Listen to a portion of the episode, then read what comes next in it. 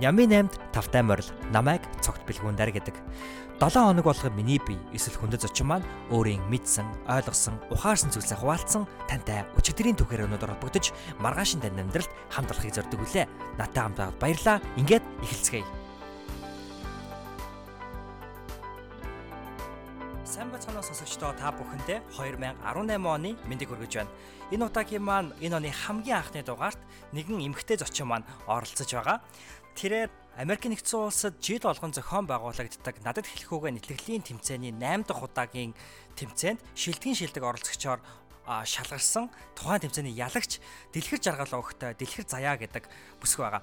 Тэрээр Америк нэгдсэн улсын дэлхийн топ дээд сургуулиуд нэг тооцогддог University of Washington буюу Вашингтон их сургуульд байгаль орчин судлал эдийн засгийн чиглэлээр суралцдаг. Тэрээр мөн 7 хоног болгон Ямын 8 маань төстэй ухаарлын 7 хоног гэдэг блогийг хөтлөн хүргэдэг байгаа. Тэгэхээр энэ удаагийн зочин маань та бүхэд маш их таалагдсан гэдэгт итгэлтэй байна. Аа зочин маань маш өгөөжтэй нэгийг бодогдуулахаар олныг тунгаалгах маш сайхан зүйлсүүдийг та бүхэнтэйгээ хуваалцсан байгаа. Энэ удаагийн маань бас нэгэн нэвтрүүлгийн онцлог нь юу вэ гэхээр 8 асуултын маань хамгийн сүүлчийн 8 дахь асуулт нь сюрприз буюу нууц асуулт байгаа. Тэгэхээр манай зочин бол 8 дахь асуулт маань ямар асуулт байсныг мдээгүй хамгийн сүүлд нь нэвтрүүлгийн үеэр мэдчихэж байгаа байхгүй юу. Тэгэхээр энэ удаагийн дугаар маань маш сонирхолтой, арай өөр. Тэгээд мөн эмгхтэй зочин гэдэг утгаараа арай ондоо байгаа гэж би итгэж байна. Ингээ хөдөлөө хамтдаа подкаст руугаа өсөрцгээе. За ингээд манай Ямин 8 подкастын маань 16 дахь удаагийн дугаарт оролцож байгаа. Заяада энэ өдрийн мэндийг хүргье. Сайн уу Заяа? Сайн байцгаана уу? За Заяа маань өөрийгөө юуны өмнө манай сонсогч нарт танилцуулаач. За, намайг дэлгэр жаргалын дэлгэр цай гэдэг. Одоогоор бол Америк нэгдсэн улсын Вашингтон мужид Вашингтоны их сургууль 3 дахь жилдээ суралцж байгаа. Аа тэгээд миний үндсэн мэрэгжил болохоор зэрэг байгаль орчин судлал, өөрөөр бас хүрээлэн орчин судлал гэж явдیں۔ Энэ мэрэгжил маань болохоор зэрэг хүмүүсээ хүмүүс яг надаас яг ямар мэрэгжил ингээ асуухаараа зэрэг урдаас яг яах юм мод тарих юм уу гэж асуугаад байдаг байхгүй юу? Тэгэхээр зэрэг энэ бол ерөөсөө тийм одоо мод тарихтай ч юм уу. Ер нь мод тарих нэг төрлийн одоо байгаль орчинд оруулах хувь нэмэр нь байж болно. Гэхдээ энэ мод тарихтай бол тийм холбоотой биш. Яг гол судалж байгаа зүйл нь болохоор зэрэг хүн байгальд яг яаж нөлөөлдөг. Тэгээд тэр эргээд тэр байгальд нөлөөлсөн тэр зүйл нь хүмүүс тэргээд яаж нөлөөлдөг юм бэ гэдгийг судалдаг. Тэгээд миний бодлоор бол энэ өнөөдөр яригддаггүй тийм сэдвүүдийн нэг ялангуяа Монголд ерөөсөө их яригадаад байдаг тийм сэдвүүд нэг одоо л нэг Улаанбаатарын утаагаа ярьж байгаа болохоос ш нэг тийм яригадаад байдаг сэдвүүд энэ нэг бол биш. Гэтэ би яригдаасаа гэж үнэхээр хүсдэг тийм сэдвүүд аа тийм болохоор юм байна. Аа. Ухаарлын 7 хоног гэд блог хөтлж байгаа тийм ээ. Тэрхүү блогоороо дамжуулж бас хүмүүст ер нь бол мэдээсэ гэдэг оролдлого хийж байгаа гэж би харж байгаа. Ер нь ухаарлын 7 хоног гэдэг блого товчхон бас манай сонсогч нарт танилцуулбал. Аа за. Ухаарлын 7 хоног гэдэг блогийн тэгэж нэрлсэн шалтгаан болохоор зэрэг ерөнхийдөө аа 7 хоног болгоны эцэст одоо нөгөө оюутнууд чинь хичээлээ хийдэг штэ тий. Хичээлээ хийж явж байгаад хийхгүй явж байгаад тэгээд нэг шалгалт болоод эхлэнгүүтээ шалгалтын өмнөх 7 хоногт нь ухаарад хичээлээ хийдэж штэ. Аа. Тэгээд яг тэр 7 хоногт бол амар их юм ухаарч мэдэж аваад тэгээд тэгээд шалгалтаа өгöd босдог те. Тэгээд тэрнээс бол баг сэдвэлж одоо ухаарлын 7 хоног гэдэг тэр блог бол нисэн. Гэхдээ энэ бол яг тэр шалгалт малгалт өгөхтэй бол ямар ч болохш. А гол зорилго нь болохоор зэрэг 7 хоног болгоныг яг тийм байлгах тийм зорилготой. Ямар нэгэн зүйл ухаарч мэдэж аваад нэг өдөр бөөндөх биш. Ингээд 7 хоног болгоны ямар нэг зүйлийг ухаарч мэдэж аваад тэгээд а тэр үзэгчдэд одоо үзэгч биш одоо уншигчдадаа тий 7 хоног болгон нэг зүйлийг мэдэж аваасай гэд тэр нийтлэлүүдийг бол 7 хоног болгоны эцэст бол бичдэг. Тэгээд гэхдээ би зөвхөн байгаль орчны талаар бичдэггүй. Би бас ингээл амьдралынхаа зорилго ч юм уу миний одоо бодож явдаг зүйлс зүгээр л те миний авсан сургамж гэх юм уу тэр зүйлсүүдийн талаараас бичгийг бол зорддог. Аа. Аа. Сүүлд хамгийн сүүл гаргасан дугаар дээр надад хамгийн сэтгэлд хөдлөсөн зүйл нь юу байсан бэ гэхээр чи хэлсэн байсан шүү дээ. Аа. Одоо бол саруул ухаанд эрүүл бие оршиж байна гэх тээ. Нөгөө эрүүл бие саруул ухаан оршдог гэд. Тэгээ би тэрийг яагаад миний хувьд айгүй татна үлдсэн бэ гэхээр би яг 10 жилдээ 2013 оны 9 сарын 1-нд яг тийм сэдвтэ илтгэл тавьж байсан аахгүй юу. Тэгээд тийм болохоор айгүй тийм дотнч гэдэг юм тийм айгүй хүсэлгэл төрсэн мэдрэмж авсан. Тэгээ яг яагаад ер нь чиний өнцгөөс те яагаад тэгж хэлэхээр болсон бэ? Аа за 2017 оныг дүгнж нэг тийм блог пост хийсэн шүү дээ тий би. Тэр 17 он болохоор зэрэг миний хувьд бол айгүй өөрөө гүчтэй жилсэн байхгүй юу? Ягаад тэгэхээр 16 оныг дуусах тэр мөчөд 12 сарын 31-ний өдөр би яг дэвтрээ гаргаж ирээд 17 онд хийх зүйлсийн жагсаалт гэж гаргаж ирсэн байхгүй. Тэгээ тэр жагсаалт донд айгүй олон зүйл байсан. Тэгээд 17 онд эргээд харахад би тэр зүйлсүүдийн ихэнхийг нь биелүүлсэн байсан. Одоо тэр надад хэлэх үг байн тэнцэн хүртэл тэр донд байж лээсэн. Гэхдээ тэр нарыг ингээд биелүүлээд биелүүлэхийн төлөө айгүй их тэгэж зорж явсан болохоор зэрэг биелүүлсэн. Гэхдээ 17 онд тэр яг тэр блог дээр бичсэн шигээ надад тийм надад тийм юм хийцэн юм шиг тэгээд санагдаагүй. Ягаад тэгэхээр би амар ядарсан. Энэ жил түрүү жил гэж 17 онд л амар ядарсан байхгүй. Ингээд айгүйх стресстэй. Тэгээд ер нь бол би нэг зүйл ухаарсан болохоор зэрэг 16 онд төлөвлөсөн тэр бүх зүйлс бол миний хийж чадах хэмжээнээс хамаагүй их зүйлийг би төлөвлөсөн байсан. Тэгээд тэрийг хийн гэд дайрцсан.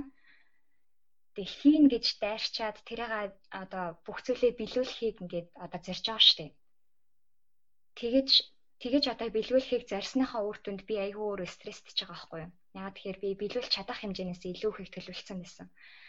Тэгээд түүнийгээ дагаад би одоо айгүйх стресстэй, стресснээсээ болоод стресс тэгэр чинь хүн ингээд хоол идэхтэй хүртэл амар дуршилг болчтой юм лээ штэ. Амар ч тийм аппетит байхгүй.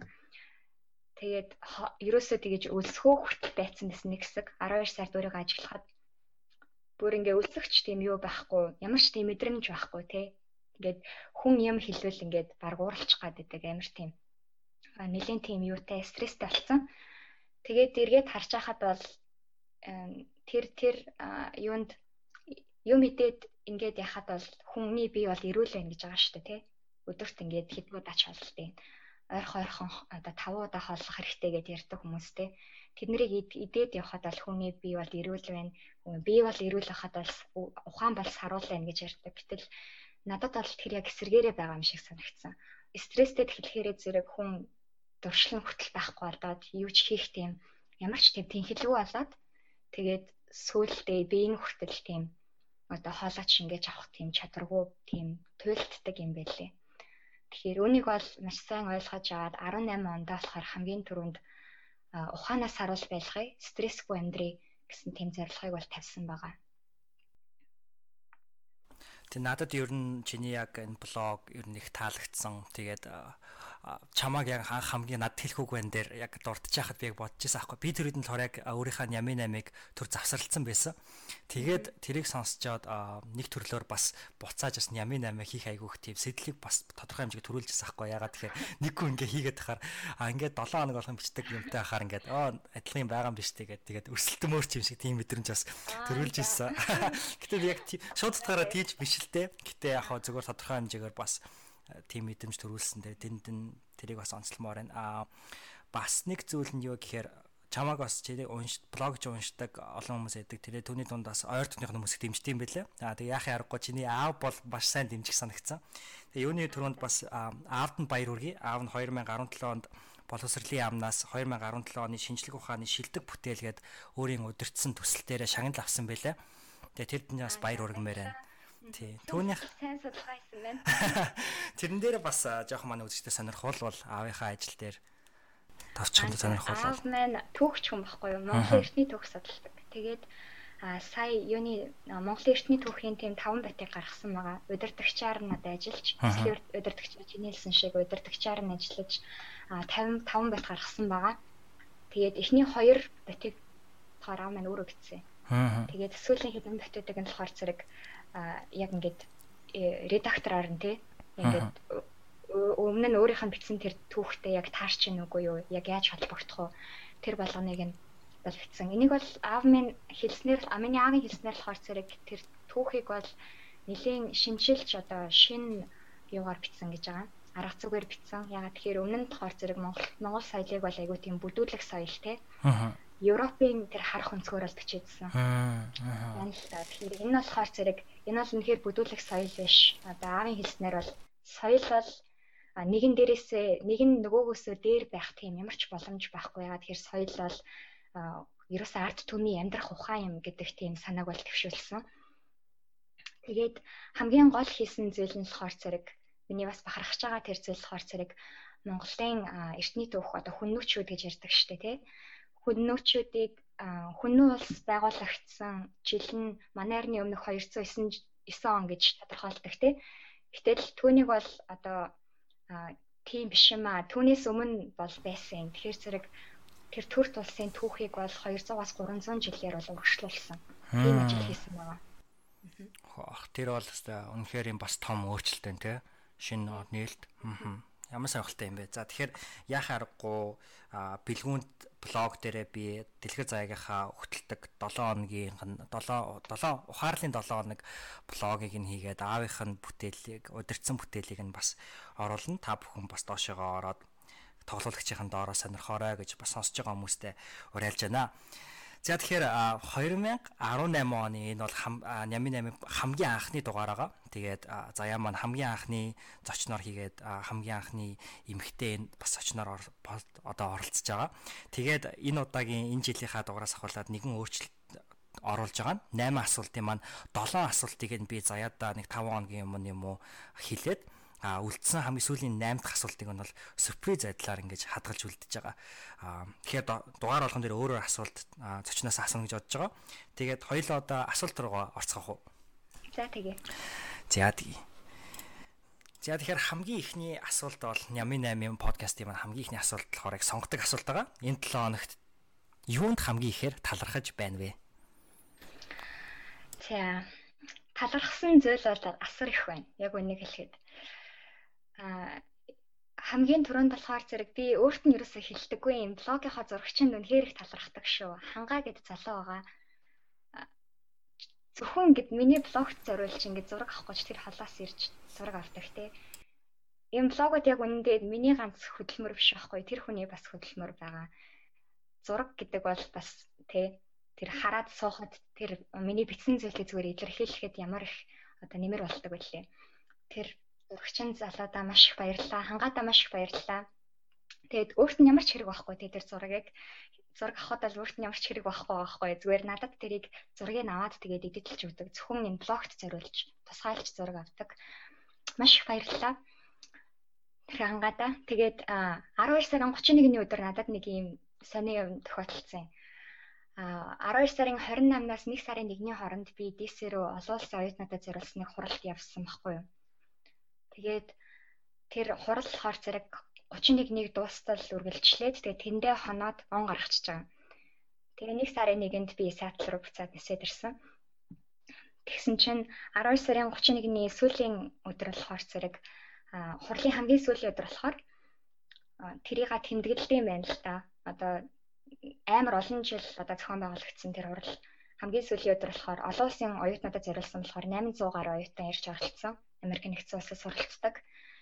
Нэлээд том хурал болсон. Тэгээд хамгийн сүүлийнхээ өдөр болохоор зэрэг яаж тэмдэглэдэг вэ гэхээр зэрэг авиасын шоу гэж зохион байгуулалт юм байна.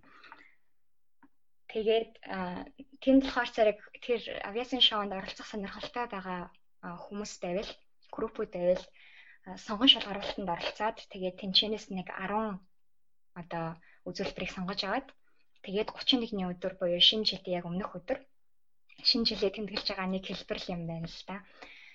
Тэгээд тэгээд би тэрэнд нь оролцсон. За. Сонгон шалгаруулалт тэгээд би тэр олон улсын оюутнуудад зориулсан болохоор зэрэг нөгөө аль алах өөрийнхөө соёлыг аа харуулах тийм зорилготой үзүүлбэр байх хэвээр. Тэгээд 800 гаруй оюутан ирж байхад тэр донд хоёрхан монгол оюутан байсан. Нэг нь би нөгөөх нь өөр нэг охин байсан. Аа ямар мундаг юм бэ? Тийм. Тэгээд тэрэнд яг ингээд оролцоод Монгол бүсгүйгээд нөгөө гарны бүжиг байдаг штеп Монголын. За. Тэр соло бүжгийг бүжиглэх болоод яг 31-ний өдөр орой 10 цагаас бүжиглэх гэж байгаа байхгүй юу? Яг яг онгорхаас яг өмнөхөн гэсэн үг те. Аа. Гэсэн чинь яг нэг бүжигээ яг эхлээд явж исэн чинь техникийн сатал гараад аян тасарчдаг байхгүй юу? За. Тэгээд яг ингээд 800 гаруй хүн үзээс сууж яадаг. Тайзан дээр би ядч ядах ганцаараа яж яадаг. Тэгээд нөгөө тайзны хоёр талд ингээд том дэлгэцтэй тэрэн дээр нэг хүн бичээ сууж байгаа байхгүй юу? Ингээд царай энтрийг томруулаад ингээд харуулдаг. Аа. Тэр тайз дээр нь тэгээд тэнд би зүгээр ингээд бантаал зогсож байгаа байхгүй ганцаараа. Ай байхгүй тэгээд дотроо л сэн шидэм бодогдтiin билээ штэ ингээд одоо бүжиглэх үү яах вэ? Айгуугаар бүжиглэлтэй нэш. Тайзнаас буултай нэш. Тэ амар хэцүү тийм байдалд ороод ингээд зогссон чинь хүмүүс эсэргээрээ яг тэр үед амар гоё нэг чантлалаад ташсан. Аа. Айгуу гоё орилох нь орилоод алга ташхан ташаад бүр айгуу тийм ингээд бүх ингээд үзүүлбэрээ үзүүлээд дуусаад тэрний дараа алга ташиж байгаа юм шиг. Ямар гоё юм бэ? Тийм. Гэхдээ би тэр үедээ тэрийг оошоогоо байхгүй ягаад тэгэхээр миний санаа зовж исэн зүйл болохоор ай одоо яач юу хизээ ягаад техникийн садлахч юу толгой дотор айгуу тийм сөрөг бодлоод явааддаг. Аа. Тэгээд нэг сарын нэгэнд яг нөгөө DC-гээс Сиэтл хот хүртэл чинь ойролцоогоор 6 цаг орчим нисэж байгаа. Тэгээ тэр хооронд 6 цаг өөр удаа юугаа ч хийхэртэй те. Тэр юмны хадлаар л бадж байгаа байхгүй юу. Яг тэр үед л яг анзаарч байгаа. Хүмүүс намайг ингэж тэмцсэн шүү дээ. Хэрвээ техникийн саатал гараагүйсэн бол би магадгүй тэр хүмүүсийн тэр надад өгсөн тэр урмыг бол мэдрэхгүй л өнгөрөх байсан баг. Тэгээд түүндээ нэг бодлын талархах талархаад өнгөрсөн штэ. Тэр ямар гоё юм бэ гэхдээ айгүй гоё гоё түүхтэй яг тэр 7 хоногт нь таарсан байна штэ. Тий. За за яста гоё түүхэн түүхээ хуваалцсанд баярлалаа. Өөр нэмж хэлэх зүйл байгаа юу? Өөр одоо зөндөл одоо амьд амьд тагаадаа талархаж байна. Зөндөл олон юм талархаж байна. Гэхдээ одоо тийм болгоё л гэж бодож байна да. Тэгэлгүй ах уу тэгээд бас гайхалтай түүхээ хуваалцсан баярлалаа. Бас Монголынхоо соёлыг тэр дэлхийн өнцөг болон бүрээс ирсэн 800 гаруй оюутан залуучуудад танилцуулсанд нь баярлалаа. Бас талархаж байна. За тэгвэл хоёулаа ингээ хоёрдугаар асуулт руу оръё. А хоёрдугаар асуулт маань таны энэ 7 хоногт уншиж буй ном гэдэг асуулт байгаа. Эсвэл онцлог контент тэрний тухаар юу ч хийж болно. Аха. Энэ 7 хоногт би нэг TED Talk үзсэн санаанд гуйвж хагаад Тэр нэг 3 өдрийн өмнө ч нөө гарсан шин TED Talk гэсэн.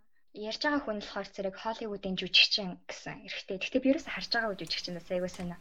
Тэгээд тэр хүн болохоор зэрэг нэр нь энэ TED Talk-ын нэр нь болохоор зэрэг Why I'm done with trying to be man enough гэж. Justin Baltone ёо. Тийм. Хаха. Тийм үү те. Би мэдтээ. Аа за. Тэр хүн яг аа яг нийгмээс одоо эрэгтэй хүн дээр ирдэг дарамт шахалтуудын талаар ирсэн. Эрэгтэй хүн байхаараа уйлж болдоггүй. Эрэгтэй хүн байхаараа зодтолдох одоо чадвартай байх хэрэгтэй. Эрэгтэй хүн байхаараа гэр бүлээ тэжээх чадвартай байх хэрэгтэй гэх мэтчлэн тий. Тэр олон одоо нийгмээс ирдэг буруу дарамт шахалтуудыг одоо ярьсан. Хүүсийн тэнцвэртэй биш байдлын талаар ярьсан. Тэгээд энэ надад ям ягаад гүнстгэж төрүүлсэн бэ гэхээр зэрэг би эмэгтэй хүн дээр бас тийм дарамт шахалт асар их байдаг гэж боддог. Аа.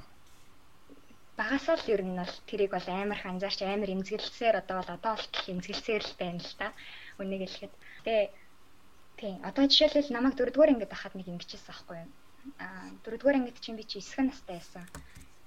Тэгээд тэр үедээ болохоор зэрэг юу ч мэдэхгүй те. Ер нь гоё юм байвал хийшээл. Ерөөсө санаа зовох тийм юм ерөөсө байхгүй. Тэгтэл нэг өдөр манад нэг таньдаг ах маань ирсэн. Тэгээд тэр ах надаас заяа чи юунд сонирхолтой байна? Ер нь ямар одоо хичээлд илүү сонирхолтой байна гэж гэсэн тийм асуултаа асуусан. Тэгээд би тэр үедээ математиктэй амар сонирхолтой байсан байхгүй юу? Тэгээд би математиктэй амар дуртай гэж хэлсэн чи урдаас. Заяа эмэгтэй хүн математикаар яваад дэмий үйдэн штэ гэсэн. Тэгээд яагаад гэсэн чинь чи зүгээр ингээд сүүлийн одоо хэдэн зуун жил ч байдیں۔ Тэр одоо математикийн шинжлэх ухаанд гаргасан тэр амжилт гаргасан хүмүүсийг зүгээр хар дийлийнх нь эрэхтэй байгаа. Эмэгтэй хүн тэр дунд чинь байдгүй. Гарын 10 хуранд ч багтахгүй гэж байгаа. Тэгээд тийм зүйлийг надад хэлсэн. Тэгэхээр н зэрэг би гайхал. Үгүй хаа тэгтээ тэнд чинь манай ангид ерөөсөө математиктаа надаас илүү хөвт байдгүй штэ гэдэг жаа байхгүй бэ? Би хамгийн сайн тэгээд манайд ерөөсөө эрэгтэй хөвгт ерөөсөө математиктаа тийм амар сайн хөвт байхгүй штэ. Тэгээ хөвгүүт чинь хөвгүүт л байдаг байхгүй юу те? Тийм штэ. бусад бүх зүйлд ингээд сатаарад явчихдаг байгаа ангидаа. Тэгж яагаад ахлах ангидаа ороод ирэхээр зэрэг эрэгтэй хүний чинь тархин задраад тэгээд тэр үед болохоор зэрэг эмэгтэй хүний тарих эрэгтэй хүний тэр бодлыг гүйцэтгэх юм а гэж хэлж байсан надад. За. Тэгээд бага хахад тэр бол Тэр бол айгүй хүн дээр тусч байгаа байхгүй юу. Ягаад тэгэхээр анх удаа нэгдүгээрт тийм сонсож байна. Хоёрдугаарт жоохон хөвгт чинь тийм өөрийн бодлоо хамгаалах тийм хамгаалтгүй байгаа штэ тэр үедээ. Мэдлэг байхгүй, туршлага байхгүй тий. Зүгээр л тийм орж ирсэн бүх зүйлийг ингээд хүлээгээд авчдаг. Тийм үедээ тийм юм сонсож байгаа байхгүй.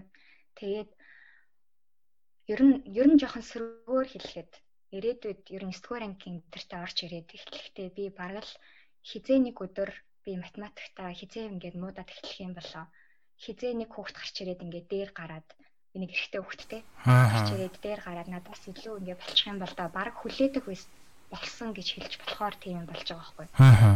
Насан турш минь тэр одоо тэр үг одоо араас минь ингэж явсан те.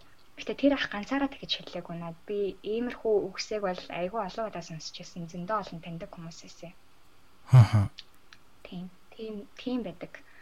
Гэтэл манай аав нэг өдөр надад айгүй гоё үг хэлсэн. Тэр нь болохоор зэрэг а заяа чи эмэгтэй хүн ягаад амжилтанд хүрдэггүй хүрдэггүй гэдгийг мэдэх үү гэсэн чинь би ягаад гэсэн чинь ягаад гэвэл эмэгтэй хүн толны өмнө 2 цаг суудын өдөрт гэсэн. За. Тэгэл би яг тэгэл би яг тэр үг л надад айгүй гоё сонсогдсон. Ягаад тэгэхээр зүгээр эмэгтэй хүн болохоор зэрэг эрэгтэй хүнээс доор байдаг юм биш. Аа. Бодож сэтгэхээсээ сэтгэх тэр хэмжээнд доогоор байдаг юм биш. Зүгээр л цагаа өөр юм зарцуулцдаг учраас амжилтанд хүрдгүүмаа гэсэн тэр үгийг манай аав надад хэлсэн юм шиг санагдсан тэр үед. Аа. Тийм. Энэ бол айгүй тийм буруу зүйл. Тэгээд би ахлах сургуульд орж ирээд яг Америкийн түүхэн тэрийг үзэж эхэллээ л дээ. Аа тэгээд буцаад эргээд бодоход бол аа одоо нөгөө Америк нэгдсэн улсад байсан тэр болчлын систем байна тий. Тэгэл нөгөө 1960 оны нөгөө янз бүрийн тэмцлүүд тэгээд нөгөө эмгтээчүүдийн эрхийн төлөө тэмцэл энэ төр. Одоо жишээлбэл Америк нэгдсэн улсад чинь жишээлбэл эмгтээчүүд 1920 онд анх нөгөө санал өгөх эрхийг авч байгаа байхгүй тий. Тэгээд тэрнээс өмнө бас нөгөө зүгээр л эмгтээчүүдийн боловсролын системийг ярьж болж байна шүү дээ эмэгтэйчүүд хизээ боловсрол эзэмших тийм эрхтэй болсон юм. Дандаа л эрэгтэйчүүдийн дандаа хойно исэн.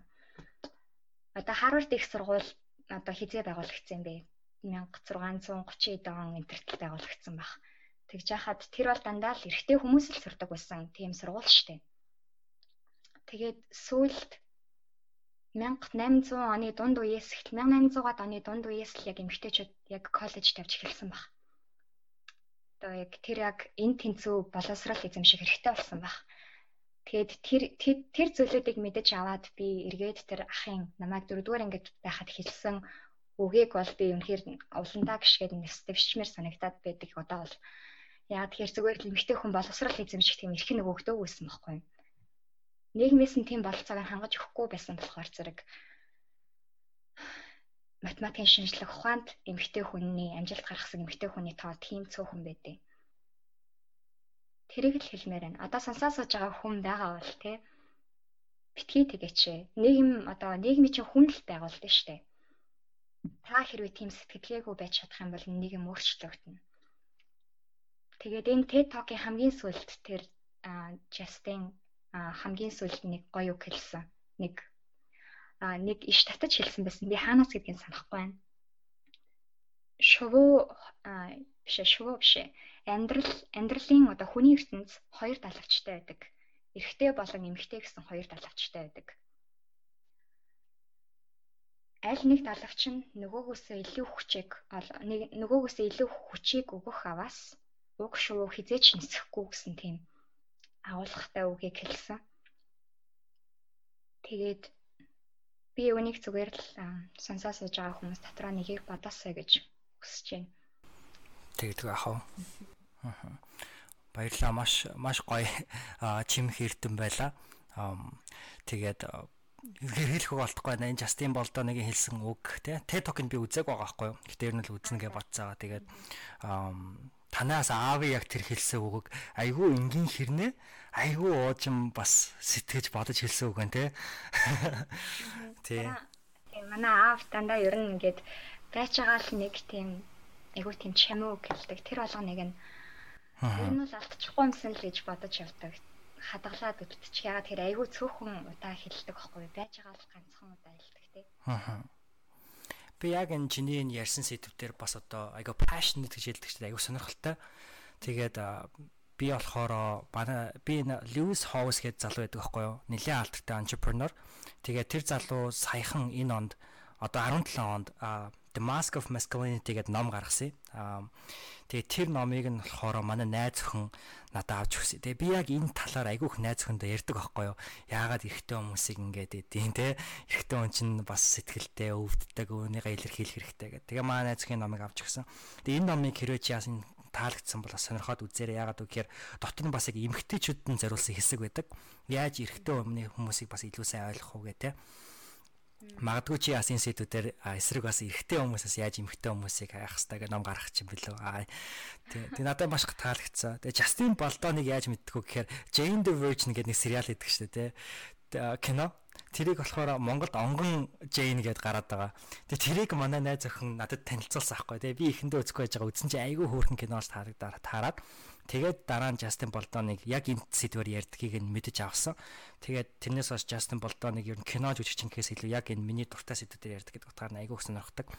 Тэгээд чи бас сонирхоод үзээрэй. Би бас үзэгч нартаа чиний саний яриулсан ярьсан TED Talk-ыг бас доор нь оруулнаа подкастынхаа. Тий. За маш их баярлалаа. За хоёлоо тэгвэл дараагийн асуулт руу орох уу? За дараагийн асуулт маань таны энэ 7 хоногт хийсэн зүйлс гаргасан амжилттай нь холын зорилготой хүрэхэд нь хэрхэн тусалсан бэ? Аа би блог авчихсан.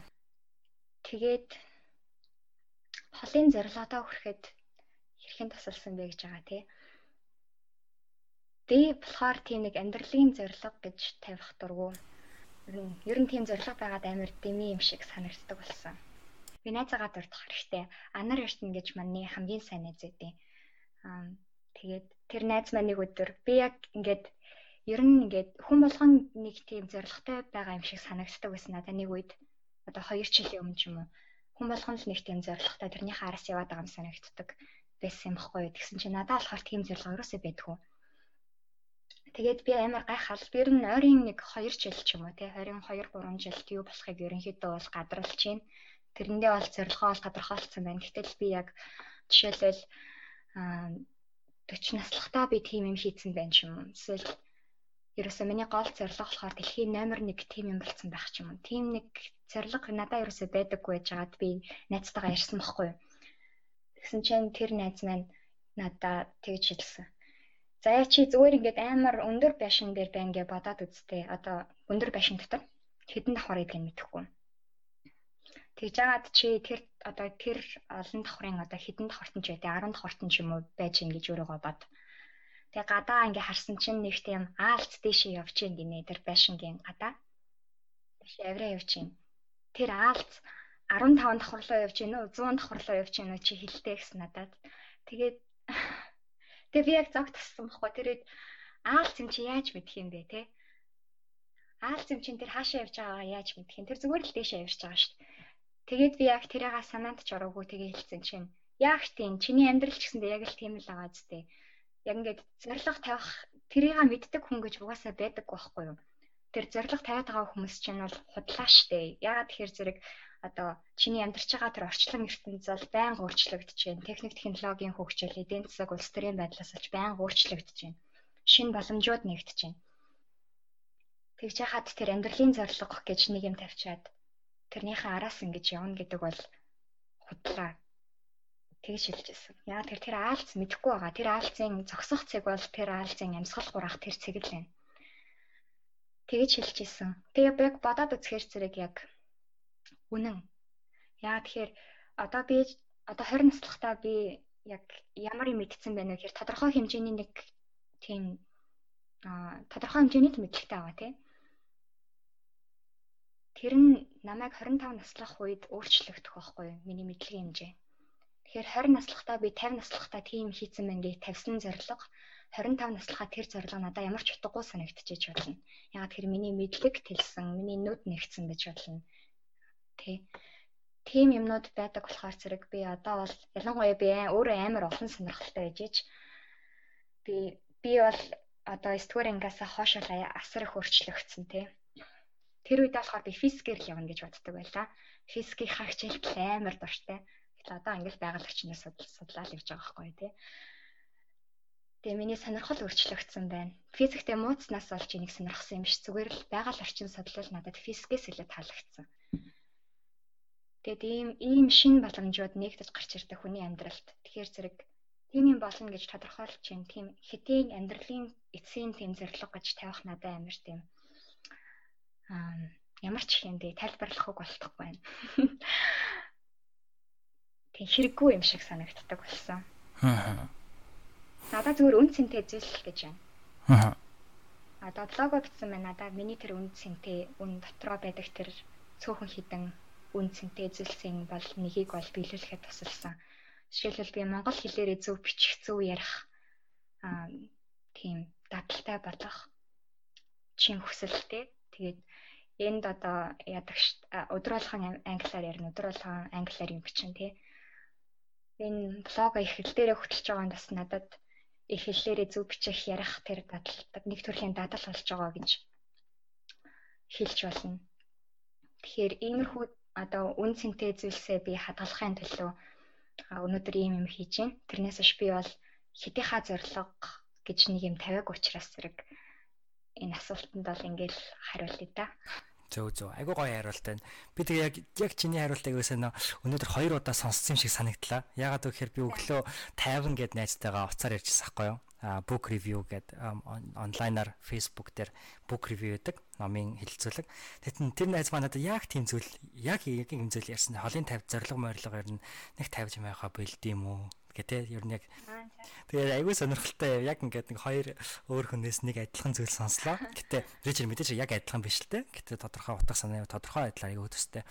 Тэгэхээр айгүй гой санагдлаа би өглөө толгой тохиол сонсч ирсэн. Сая ч гэсэнтэй өнөхөр толгой тохиол сонсч илаа. Тэг гайхалтай хариулт байлаа баярлаа. За дөрөвдүгээр асуулт руу орох уу? За. За дөрөвдүгээр асуулт маань энэ 7 хоног тогтмол үлдсэн хамгийн зөв зуршил тань юу байсан бэ? Хам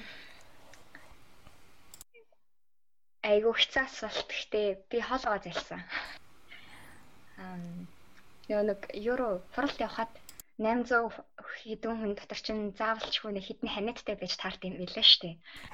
Яаж ч гэсэн ханиадтай хүнтэй уулзаалсан. Тэгээд тэдний бүгдийг нь хоолоос өгсөн. Өөр амар тийм сонин хоолой болцсон. Надтай яриад байгаа байхгүй. Тэг яг нэг сарын нэгэнд буцаад яг гэртээ ирсэн чинь оройн би найтаж хэлж байгаа байхгүй.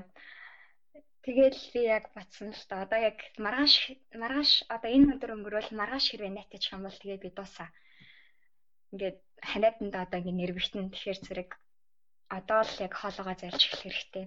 Тэгэл яг шанс давс хийж байгаа л хоолоогоо зайлал өглөө орой хоёр хоолоогоо зайлал Тэгээд өнөөдөр миний хоолой сөгөөгүй байна. Тэгэхээр зэрэг сэргийлсэн юм шиг байна. Ямар гоё. Би ч хоолойгоо зайлсан гэхэр нөгөө айгүй химийн бодсон мэдтэй нэг янз бүрийн листрим билүү гэлээ. Тийм бодсон ч айгүй гоё монголоор жамс тавсаар зайлсан гэж шүү дээ. Жамс тавсаар усаар л зайлдаг ерөөс айгүй тийм ангаах гэж хиттэй. Зөө зөө зөө. Би бас яг хоёр хоёр дугаарын өмнө өөрөө бас яг 8 асуултанд хариулж явахдаа хэлсэн аахгүй. Миний хамгийн зөв зуршлал шүтээ угаах байсан гэд. Тэг яг яагаад тэрийг хэлж байна гэхээр ерөөсөө л дадал зуршлын хүчийг л бас ойлгуулахыг одоо хүмүүстээ илүү их одоо өгөөжийг нь ойлгуулахыг ихэр нь хичээгээд тийм юм ярьсан. Гэтэ маш гоё зөвлөгөө байна. А мэдээж хэрэг одоо өвөл хүмүүс Улаанбаатарт ер нь ер нь дэлхийд даяар айгүй хөдөн өвөл болж байгаа шиг байна. Тэгээ хүмүүс маань хоолоогоо зайлаад эрүүл яваарай гэсэн сайхан дадал зуршлаа гэж харж байна. Ер нь зайлж авах хэрэгтэй тий. Ер нь зүгээр байсан ч гэсэн зайлж авах хэрэгтэй. Тэр хоолойны чулуу өнтрээ сэргийлнэ. Тий. Тэгээс жамцтай усаар зайлна гэдэг чинь өөрөө айгүй гоё бас зөвлөгөө байгаа байхгүй юу. Ягаад тэгэхээр наав яг жоохон бахад манай ээж айгүйх жамс давсаар зайл гэдэг байсан. Тэг шүдэ угаах биш шүд өвдөхөр бас жамс давсаар зайл гэдэг байсан шүү дээ. Аа тийм үү. Тий. Тэрийг бол мэдэхгүй мэн. Өөрчөөс хоолонд л айгуусан. Аа. За тэгэхээр хүмүүсээ жамс давсаар хоолоогоо зайлаарэ гэд. За хоёлаа тэгвэл 5 дахь асуулт руу орох уу. За. За тэгээ. За энэ 7 хоногт танд хамгийн чухал нөлөөг хэн бас яаж үзүүлсэн бэ? За. Нөлөө үзүүлсэн хүмүүс бол нэлээ их байна. Гэхдээ би нэг хүнийг онцлмоор байна. Тэр болохоор йогийн багш. Намайг танихгүй л дээ. Би ч гэсэн тэр хүнийг танихгүй. Би Instagram дээр дагдаг байхгүй. Тэр хүн Техаст амьдардаг йогийн багш.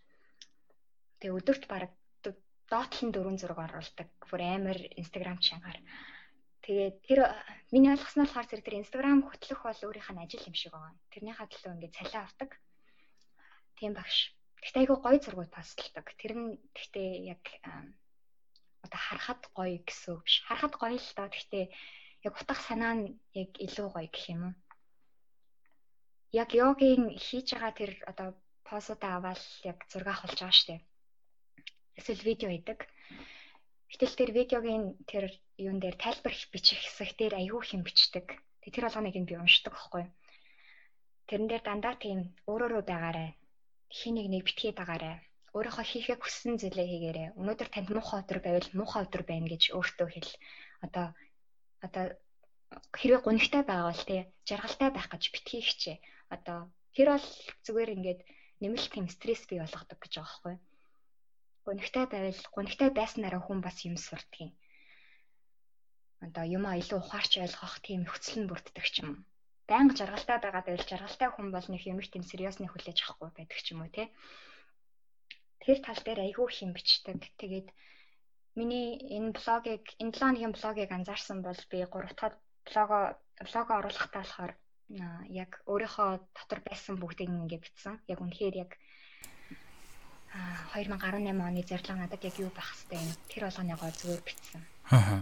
Тэгээд энэ хүн бол надад тэр нөлөөг бол үзүүлсэн тийм хүн байгаа. Тэгээд энэ хүнд бас би баярлалаа гэж хэлэх хэвтэй байна. Тийм тийм нөлөөг үзүүлсэн учраас. Аа. Нөгөө мэдрэмжээ хүлээн зөвшөөр гэдэг юм биш те. Аа зарим одоо юу гэдгийг айдсуудыг хүлээн зөвшөөрсөн хойно бол айдс гэдэг зүйл өөрөө яг үндэ айгаад ах зүйл биш гэдэг ч юм уу. Тэрнтэй адилхан юм байна. Хоёрдугаарт бас ингээд а одоо сошиал ертөнцийн чинь хүмүүс ер нь өөрөөрөө биш байдэн штэ. Одоо өөрөө өөрөө байгаагаасаа илүү их тийм нэг хин нэгэн болох гэж хичээдэг. Одоо чи хөөхөн байгаа хэрнээ илүү хөөхөн болохыг хичээдэг те. Сошиал ертөнцийн зураг айгуу гоё авахыг хичээдэг ч юм. Тэр болгоныг л одоо эсэргүүцсэн тийм багш аахгүй. Ерөөсөө л өөрөөрөө өөрөөрөө л байв. Тэгжээж бусад хүмүүс бас өөрөөрөө байх боломжтой болно. Хин нэгэн хүн аюу тийм одоо хитрхи төгс тийм зураг хийгээд ах юм бол бусад хүмүүс ч гэсэн дагаад тийм төгсөрхийг хүсэх байхгүй.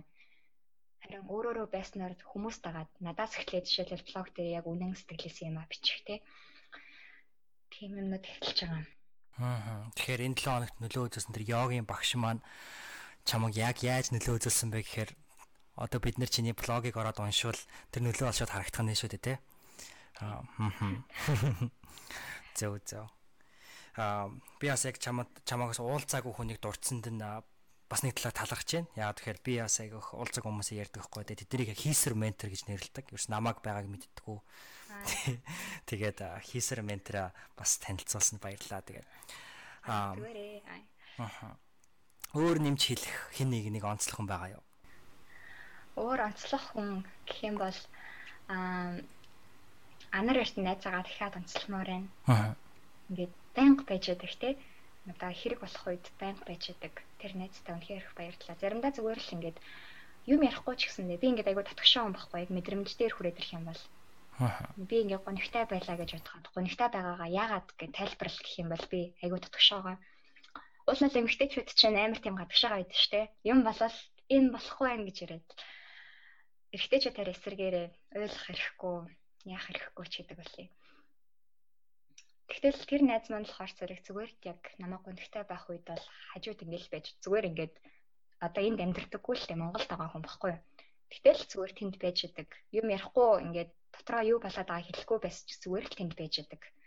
Одоо 9 шидийн толгой дотор байгаа эмх замбраагүй хүнд ч ойлголтгүй ойлгогдохгүй тийм юм битсэн ч ингээд тэрийг заа заа бич бич гэж байж байгаа.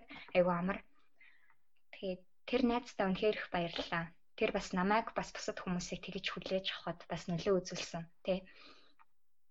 Хин нэгэн хүн хэрвээ надад бас ингээд 9 шидийн юм яриад байвал би бас тэгээ сонсоо суух, тийм сайн сонсогч байх тийм нөлөөг бол үзүүлж чадсан. Тийм хүн. Тийм. Баярлалаа. Баярлаа анар ирдэ. За тэгэхээр хоёлаа тэгвэл эсрэгээр одоо 6 дараагийн 6 дахь асуулт маань болохоор яг энэний эсрэг асуулт нь байгаа. Та энэ 7 хоногт хин нэгний амьдралд хэрхэн нөлөөлсөн гэж бодож байна вэ гэдэг асуулт байгаа. нэг юу болсон. Аа, блогийнхаа юу бичсэн шүү дээ. Би саяны 3 дахь дахиад тэрийг бичсний дараа дөрөвт өдөр нь биний хүнээс нэг мессеж хүлээж авсан. Тэр хүн юу англи хэл дээр нэг нэг юу бичээд блог бичээд тэгээ над руу линкийг явуулаад чамаас би ингээд инспирэшн авч бичсэн юм шүү. Надаа чадвал уншаад фидбек өгөөрэй гэж бичсэн амар хөөрхөн. Тэгээд тийм нэг бодлоор тэр надад би тэр хүнд ингээд нөлөө үзүүлээ тэр хүн ингээд шинээр юм бичсэн юм шиг мөртлөө. Эргээд тэр нь надад ингээд урам өгч байгаа байхгүй юу? Тэгэл яах вэ? Эргээд би тэр блогоо илүү их гоё бичих аа илүү их тийм өөрийнхөө сэтгэлд байгаа зүйлийг илүү их бичих тийм нэг инспирэшн болж өгсөн тий. Тэр тийм байна. Гэхдээ энэ айгүй асуулт байна. Ягаад тэгэхээр нэг нөлөө үзүүлснээ яаж мэдэх вэ? Харин тий. Хэцүү хэцүү. Хэрэг тэр хүн чинь чамд эргэж ирж яг энэ саяны хэлсэн хүн шиг хэлэхгүй бол ер нь нөлөө үзүүлсэн гэдгийг мэдэх аргагүй байхгүй тий. Тийм. Жишээлбэл одоо тэр миний тэр ярьсан йогийн багш бол надад нөлөө үзүүлсэн гэдгийг мэдэхгүй л тийм сууж байгаа шүү дээ. Яг тэр би тэнд хүн тэр хүн хэлээгүй. Тийм. Би яг энэ асуултуудыг бэлдэж явахдаа ч гэсэн ер нь л энэ энэ баг хамгийн хэцүү асуултанд байхаа гэж бодчихсон. Ягаад тэгэхээр би яг ингээ асуултууд бэлтжээд дараа нь ингээ өөр ингээ хариулах гэж үзэхээр айгүй хэцүү байдаг байхгүй юу? Гэтэ ямар муухад асуучдаг тий. Тий нөгөө нэг заавал хариулах хэрэгтэй болж байна тий. Аха. Гэтэ чиний хувьд бол айгүй гоё штэ. Тэгээд Энд ч яг чам тэр хүн юм ингээд эргээ бичиж гэдэг бол тэр яг ингээд айгүй best part гэдэг те эргээд яг ингээд feedback аавна гэдэг бол чиний feedback бол бүр зүгээр ингээник feedback биш бүр ингээд хин нэгэн бүр ямар нэгэн зүйлийг зүйл болгоо хийсэн байна гэдэг бол үнэхээр гайхалтай санагдлаа. Харин тийм тэр хүн тэр хүнээр би бас те одоо яг бодоод хаад амар баярлж байгаа байхгүй юу. Ингээд зүгээр би нэг хүнд нөлөөлөөд хүн миний блог руу орж уншина гэдэг бол надад бол гоё зүйл гайхалтай зүйл над руу ингээд тоож орж уншсан байна. Тэгсэн чи хоёр дахь шатнд болохоор зэрэг тэр хүн орж уншаад ямар нэг зүйл ухаарсан байх. Тэгвэл одоо миний зорилго биелчихэж байгаа байхгүй юу? Тэгтэл тэр хүн бол орж уншаад ухаарад тэгээ юм хийцэн мөн байхгүй юу? Тэгээ тэр бол гахалтай чамд амжилт өгсөн юм. Тэгэхээр мэдээч хэрэг чамд хилээгүй бас цаана зөндөө хүмүүс байгаа гэдэгт бол би итгэж байна. Аа тийм тэгээд чамд бас тэр олон хүмүүсийн амьдрал тодорхой хэмжээгээр нөлөө үзүүлж байгаад нь бас баярлаа. Баяр хүргэе гэж хэлмээр байна. Чамд ч гэсэн бас баяр хүргэмээр байна. Их гоё зүйл хийж байгаа шүү. За баярлалаа. Тэгхэн болгон ийм зөрөгтэй бас байхгүй шүү дээ, тий. Тийм. За баярлалаа. Харин маа найзууд айгүй хэлж байгаа битээ зөксөгоорой гэх тэгээд найзуудынхаа өгөнд орох гол хичээгээд байгаа шүү. Би яг би яг чамтай төстэй зүйлэх айгүй олон юм сонирхолтой. Тэгээд тийм болохоор айгүй юмнаас хордоо байдаг болцдог байхгүй юу. Аа. Тий. Тэгэхээр бас сонсогч нар маань намайг бас хэрвээ цаашаа өргөжлөх хүсч ивэл яг заяад маань ингээд фидбек өгсөнтэй адилхан надаа бас фидбек өгвөл айгүй гоё шүү гэд бас дондоо нь шорохчихгүй юу. За тэгэхээр нэг зүйл дуртах хэрэгтэй байна. За. Яа тэгэхээр намайг яг блого ихтүүлээд нэг 3 дахь дугаараа гаргаж явах үед манай тэр зурагчин аа хангаа яг надад тэгж хэлчихсэн байхгүй. Чи наатаа ер нь подкаст болов уу яасан гэж хэлчихсэн байхгүй. Тэгээ тэр үед нь би сонсчоод гарагтай яри яри. Яри яри тэгж жагаад ер нь подкаст гэхээр арай ерөөсө төсөөлөгдөхгүй яг яг яач ч яг подкаст болох гээд байгаа юм. Тэгээ би өөрөө бичгээд татчихсан подкаст баг болох гээд байгаа юм тий. Тэгээд байжсэн чинь чи яг надад энэ юг а подкастыг ийм хийж байгаа санал тавьж ирээд тэгээ би одоо яг харж байна шүү дээ. Яг яг яаж подкаст хийдгийг би хэрвээ подкаст болгоё гэвэл би одоо л энэ дээр шууд подкаст болгочихгүй. Гэхдээ энэ энэ опшнд бол би үгүй гэж бол ямар ч байсан хэлэхгүй. Ямар ч байсан бодож үзье гэж магадгүй хариулж магадгүй. Тэр нөлөө үзүүлсэн чамд бас маш их баярлалаа. Аа за баярлалаа. Ямар гоё юм бэ. Тэгээ удахгүй заагийнхаа подкастаар уулзах юм биш хүмүүсээ. Хаа. За за. Би бол хэлж мэдэхгүй байна. А ер нь хийх баха. За за. Тэгээ хоёлаа дараагийн асуулт руу орох уу? За дараагийн асуулт болохоор дараа 7 хоногийн өөртөө захиж хэлэх үгс гэдэг асуулт байгаа. А энэ бол миний хамгийн дуртай асуулт. За дараа 7 хоногт би өөртөө за яа битгий сурчигнэрээ зорилгоо санаарай л гэж хэлээ да. Маргаашнаас эхлээд би яг нэг хичээлдээ зориулаад хогоо цуглуулж байгаа байхгүй юу? За. Хогоо энэ тентгүү авч явах юм. За. Тэгээд амар хэцүү даалгавар нэг бодлоо.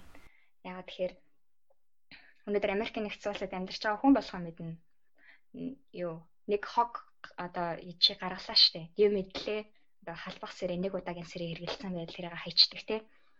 Хайчаа тэр нь ингээд нүдээс алга болчдөг байхгүй юу? Хогийн саунд хэлээ тэгэл чи тэр тухай мартна. Өөр тэр тэр сэрээ дахиж хизээч чам дээр эргэж ирэхгүй. Намайг одоо энд хайцсан шүү гэж хизээч эргэж ирэхгүй тэгэл нүднээс алга болчдөг. Тэм учраас хүн ер нь бол хэрэг хог яг үндэ гаргахтын тэрийг ерөөсөө мэддэггүй. Тэгэхээр энэ хичээлийн зорилго болохоор зэрэг ерөөсөө хувь хүнийхээ хувьд бид нар яг ямар хэмжээний хог яг үндэ гаргахтын 7 хоногийн дотор тэгээд түүнийга хамгийн гол нь байгаа бүх газар зөвөр цуглаадах биш. Явсан бүх газартаа авч явна гэж байгаа байхгүй тэр хогоо. Чирээд аваад явах байхгүй. Тэгээд одоо хідэн тор хог гарахыг би бол үндэ хэлж мэдэхгүй байна. Гурван торч гарч магадгүй хоёр торч гарч магадгүй. Тий тэр болгоныгоо би ингээд чирээд аваад явах юм. Тэгэхээр зэрэг би өөртөө би өөрөө бас үүнийгээ хармаар байгаа. Яг үндэ тэгэхээр би өөрөө ч гэсэн мэдэхгүй байна. Яг үндэ ямар их хог яг би өөрөө гаргахтай би өөрөө ингээд байгаль орчны талаар 9 шидэ юм ярьдаг мөртлөө блог дээр янз бүрийн бичин тий та нар битгий инг битгий тэг ингэх хэрэгтэй гэж ярьдаг мөртлөө би өөрөө яг ямар хог яг үндэ гаргахаа мэдэхгүй байхгүй. Тэгэхээр энийгаа би а хийхдээ тэр чинь бас хэцүү шттэ. Одоо ажил руугаа явлаа гэхэд тэр хогоо бариад ажил руу орох, өөр хичээл суухад хогтой хогоо хажуудаа тавьчаад одоо тэр хичээлдээ суuna гэсэн үг. Тэгэхээр надад бол тэгээ бусад хүмүүс юу бодох нь бол хамаа байхгүй гэсэн тийм нэг тийм үг бол өөртөө хэлэх хэрэгтэй байна. Одоо битгий сүрж гин. Тэгээ зорилгоо сан. Эцээ эцэст ер нь чи өөрөө өөрөө л яг ямар хог хэмжээний хог хаягдл гаргадгаа л мэдчихэж байгаа. Тийм болохоор битгий сүрчиг нэрээ л хичээлээ өөртөө. Вау, ямар ямар сонирхолтой юм бэ. Магадгүй чи эргээд яг үнэхээр яг энэ өөрийнхөө одоо энэ хийх байгаа туршилтыг яг подкастаар биднэрт ингээд хөргөөл те. Айгуу гоё байхгүй юу? Чамаг бол айгуу сайн хийж чадна гэж бодож байна. Хамгийн ихний подкаст баг тийм болж таах юм байна да. Харин тий. Тэгээд айгуу сонирхолтой явах бах. Тэгээд би сая л энийг өөрөнтэй ч холбож болно шүү дээ тий. Одоо юу гэдгийг бид нар ингээд өнгөрснөөсөө яагаад идэх ч идэх юм уу? Өнгөрснөөсөө салж чаддгүй ингээ хог тэгээд идэх гэдэг нэг юм холбогдлолтоос хүмүүс игээд идэх шүү дээ. Эсвэл одоо нөгөө чиний яг түрүү ярьсан нөгөө хүнд хэцүү мэдрэмжүүдээ зүгээр хүлээн зөвшөөр тий тэрний тэмцхийн оромж гэдэг юм уу. Тэгэл янз бүрийн юмтай холбоол айгу гоё юм шүү. За гоё санаанууд олж өгсөн үнэхээр их баярлалаа. Тий тэгээд нэг өдөр подкаст болгох юм билүү. Эсвэл зүгээр зүгээр блогийн нэг пост оруулахад оруулах юм билүү. Аа. Одоохондоо хэлж мэдэхгүй байна гэхдээ. Аа. Хари. За тэгээ харъя. Бид нараас хараад байж гинэ. За тэгэл хоёулаа ингээд Ямин 8 подкастын маань энэ дугаарын онцлог болох нууц асуулт руу оръё. Энэ бол 8 дахь асуулт байгаа. Тэгээд нууц асуулт эдэнд болохоор нөх амар одоо амар эвгүй асуулт ч юм ерөөсөө биш шээ. Ерөөсөө л 8 дугаар болгон дээр л 8 дахь асуултаа өөрөөр асуулт байлгахыг зорих гээд байгаа. Тэгэхээр энэ удаагийн 8 дахь асуулт маань ямар асуулт вэ гэхээр хэрвээ та энэ 7 хоногийг дахиад нэг удаа амьдрвал юуг өөрөөр хийх вэ? Хэцүү асуулт биш үү? Юуг өөрөөр хийх вэ? Аа энэ 7 хоногт чинь би юу хийсэн юм бэ? Ингээ бодхоор зэрэг ингээд аймар олон юм хийсэн. Аа. Хичээлийн анхны 7 хоног шүү дээ, тий. Хичээлийн анхны 7 хоног гэсэн тий. Юуг өөрөөр хийх вэ? Хм. Би яг үндэ юм өөрчлөлмөргүй байна. Аа. Яг тэгэхээр би энэ 7 хоногт амар их ажилласан байхгүй. Аа. За. Амар их юм ажилласан, амар их юм ажилласан. Магадгүй эсвэл энэ 7 хоног дахиад амьдрах юм бол юмнуудаа төрүүлж хийх байсан болов эсвэл За жишээлбэл надад унших юмнууд л амар их байна. Даалгавар төгсөн тий. Унших юмнууд л айгүй их байна. Тэгээд 5 дахь өдрийн оройг би бол юу ч хийхгүй өнгөрөөдөө. Ингээд баг уламжлал болсон. Тэгээд магадгүй 5 дахь өдрийн орой юм хийж үзэж туршиж үзэх байсан болов. Тэр нь хэр одоо амралтанд хэр өөр өгөөчтэй байна ч юм. Аа одоо яг адилхан яг адилхан зүйл хийж байгаа учраас зэрэг тэрийг турших айгу боломжтой байна. Яг тэгэхээр дараагийн 7 хоногт жишээлбэл туршин гэдэг чинь гэхээр чинь дараагийн 7 хоногт хийх ажлын одоо хэмжээ өөр байгаа хгүй. Тэгээ илүү их унших юмтай ч юм уу. Эсвэл илүү бага унших юмтай тий. Даалгавар багтай байх жишээ нэ. Тэгэхээр зэрэг ийм турших ерөөс ямарч боломжгүй болчихж байгаа. Тэгэхээр энэ 7 хоногт өө хэрэг яг энэ 7 хоног яг дахиад амьдэрсэн байсан бол 5 5 дахь өдрийн орой яг бүх юма хийх гэж одоо амжуулах гэж хичээгээд тэгээд тэр нь амралтын өдрийг илүү гоё болгож байна уу эсвэл 5 дахь өдрөө илүү уламжлал ёсоор амарсан нь дээр байна уу хийдгийг харах нэг тийм туршилт болгох байсан байж магадгүй юм байна. Аа. Зөө зөө. Би гэтээ чамаас яг ийм хариулт ирэх ч болоо гэж аявих бодож исэн. Зүгээр ер нь ямар ч юм ерөөсөө өөрчлөхгүй яг тэр вэр нь байлгамаар юм гэж. Тэгээ яг хаа яагаад гэхээр чиний яг төрөний өмнөх 7 асуултанд хариулсан байдлаас нь дүгнээд үзэхэ те. Тэгээ яг юунээр нь хэлж байна гэхээр холын зориг нэг тавьдаггүй те. Яг тэрэн дээр нь бодоод тэгээд байгаа байхгүй юу? За. Тий. За за. Тэгээд энэ бол ингээд маань Ямины подкастын маань бэлдсэн энэ оны хамгийн анхны дугаарын 8 асуулт байлаа. Тэгээ миний урилгыг хүлээж авч энэхүү 8 асуултанд чин сэтгэлээсээ хариулсанд маш их баярлалаа заяа. За баярлалаа. Чамд ч гэсэн энэ 2018 оны бэлгүүн цикон тий блогийнхоо хамгийн анхны зочноор урьж оролцуулсанд маш их баярлалаа. Тэгээд дараатаага эртээ байгаарэ. Тэгэл яах вэ? Миний хэлэхэд та хоёр миний харж исэн хамгийн тийм хөөрхөн асуудыг нэг баярлаа. Үнийг хэлэхэд тийм ийм зүйл маш ховор тохиолддог гэж би боддгийн. Тэгэхээр зэрэг үүнийгээ хайрлаж яваарэ гэж хэлмээр байна. Ийм зүйл гэдэг нь юу вэ? Одоо хоёрын одоо харилцаа гэх юм? Айгу тийм бат бөх юм шиг надад санагддгийг ер нь. Аа. Тийм харилцаатай тийм хосууд бол нэлийн ховор байдаг юм шиг санагдсан. Надад миний амьдралд одоо таарлаж исэн хосуудыг харахад бол тэгэхээр үүнийгээ хайрлаж яваарэ. Аа. илүү их бат бөх харилцаатай байгаарэ. Тэгээ 2018 онд нь бас амжилт хүсье. Подкастаа үргэлжлүүлж хийсээр байгаарэ гэж хүсье. За баярлалаа. Чамд ч бас амжилт хүсье. Ухаарлын 7 хоног блогоо үргэлжлүүлж хөтлсөөр тэгээд магадгүй утгагүй подкаст болгоорой. За баярлалаа. Баярлалаа. Баяртай. Баяртай.